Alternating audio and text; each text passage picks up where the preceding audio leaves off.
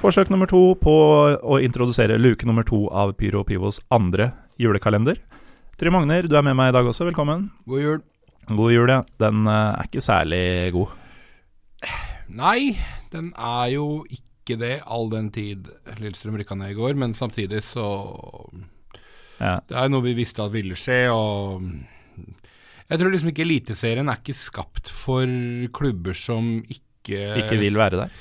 Nei, det kan du si. Altså Enten så må du ha et fryktelig godt konsept, eller så må du ha en rik onkel à la Moen, Trøym, Røkke, Gjelsten, eh, eller indiske eller kinesiske penger som Stabæk og Viking lefler med, eller så må du ha kunstgressbane. Så altså, du må ha penger, eh, eller et kjempegodt konsept, eller kunstgressbane. Ellers har ingen av delene, og har egentlig ikke Har ikke noe i Eliteserien å gjøre. og Nei. er ferdig der, tror jeg, for godt. Så det er kaldt og mørkt. Så i dag så skal vi ta for oss en av de 22 pionerklubbene som Sheffield FC har anerkjent. Og vi, vi kommer til å ta disse i tilfeldig rekkefølge de neste dagene. Det er ikke sånn at eh, det går uh, eh, verken alfabetisk eller um, kronologisk. Nei, og jeg har ikke tid til å møte opp her hver dag ellers. så jeg håper at du har uh, at du har noen andre gode julegjester som kan ramle innom studio etter hvert. Jeg, jeg, har fått med én foreløpig til å ta én okay. av klubbene. Så det, 22, ja. det lover godt, dette. Ja. Men uh, siden det er så kaldt, både mentalt og fysisk, så skal vi drømme oss tilbake til uh, varmere, en varmere tid, uh, nemlig 1890, som er lenge før noen i hele verden måtte bekymre seg for Lillestrøm sportsklubb.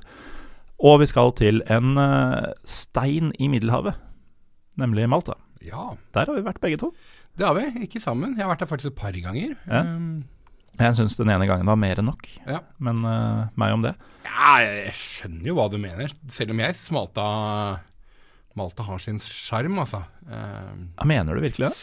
Jeg vet ikke. Uh, fordi at Ja, jeg mener det, men da jeg var der, så var jeg liksom sånn tidlig i 20-årene. Og det er klart at den gangen så hadde man jo en helt nydelig kveld hvis en starta med en helflaske Absolutt og en sånn bøtte med Red Bull på et eller annet utested som var fryktelig slitsomt, selvfølgelig, i sånn St. Julians-type uh, område. Så. Og en femmerbøtte med korona uh, i en isbøtte, da. Ja. Uh, for ti euro, f.eks. Ja.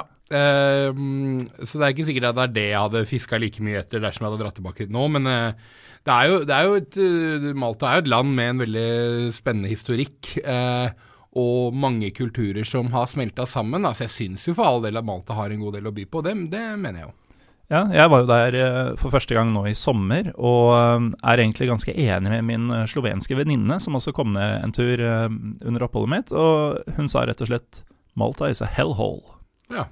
Uh, om sommeren. Hadde det noe med kompani å gjøre, eller var det da? Nei, det var, da hadde hun bare ankommet mens jeg fortsatt var et annet sted, så vi hadde ikke treffet hverandre engang. Så Nei. det var faktisk Det skulle jo bare bli verre for henne, selvfølgelig. Ja. Fra asken til ilden, som man sier. Men um, den eldste klubben på Malta er altså stifta i 1890. Vi har ikke den uh, nøyaktige datoen, men uh, vi vet uh, sånn noenlunde hvordan det starta, Trym. Ja. For det første, klubben heter St. George's Football Club. Ja, det, det, er pent. Det er pent. Det er ikke sånn super oppfinnsomt. Nei, det er det ikke, for det er det ganske mange klubber som heter rundt omkring i verden. Mm. og så er det jo sånn litt får litt grann assosiasjoner til noen sånne eh, hvite kapper med noe røde kors. Men, eh, men eh, jo da.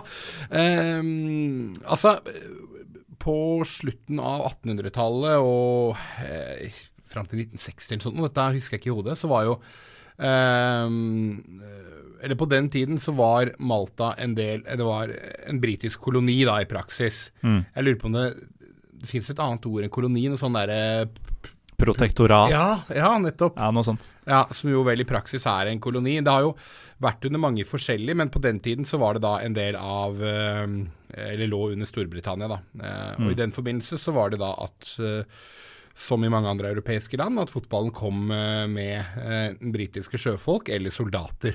Og i dette tilfellet var det da soldater?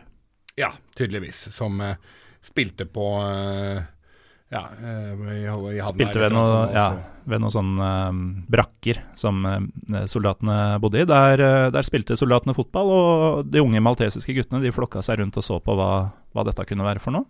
Og uh, det sies da at en av offiserene ga disse guttene en ball. Ei, ei. Og det var rett og slett starten på fotball på Malta. Ja. disse gutta samla seg og, og stifta en, en fotballklubb, rett og slett.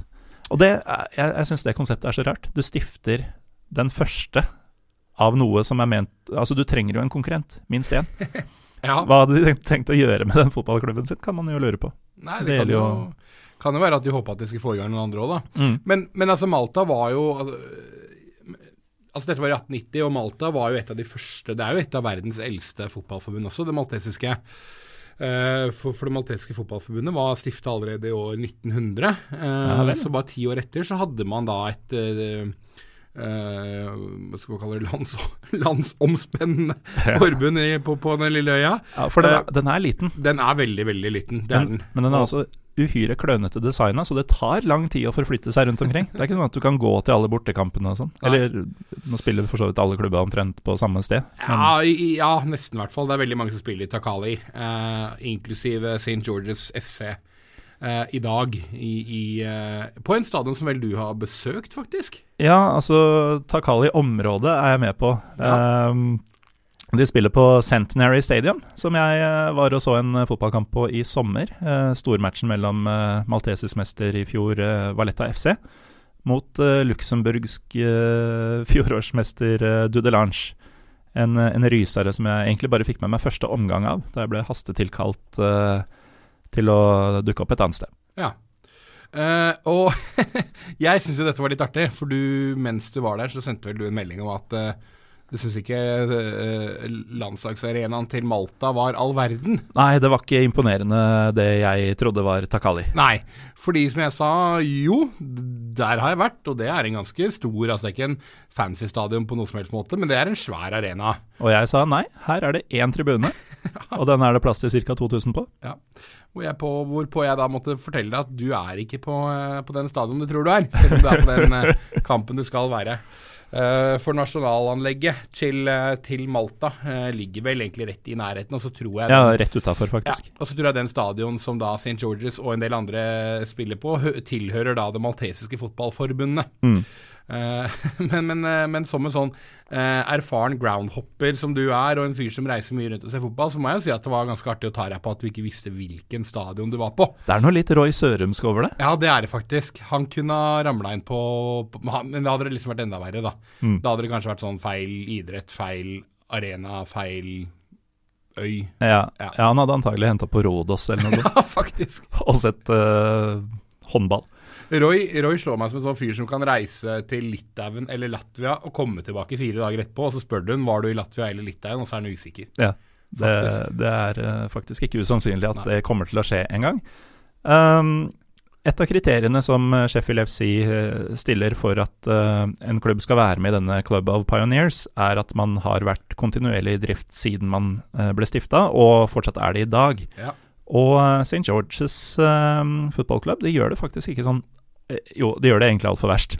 Fordi hvor mange nivåer kan det finnes på Malta? Men de, de er nyopprykka denne sesongen til nest øverste nivå på Malta. Ja. Hadde de slått Fugla?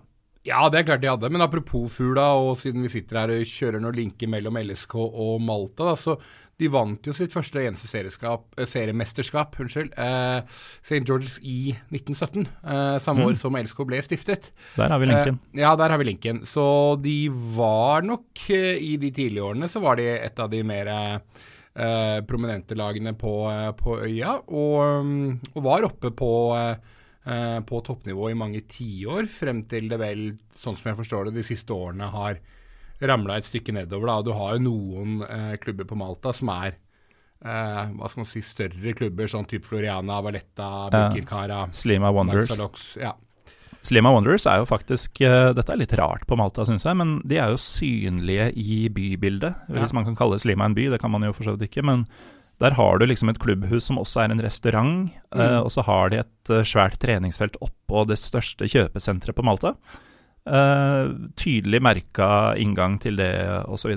Det er, jo, det er jo litt interessant med Malta, for til tross for at de er så innmari dårlige, så er jo fotball er jo, er jo den desidert største idretten der. Mm.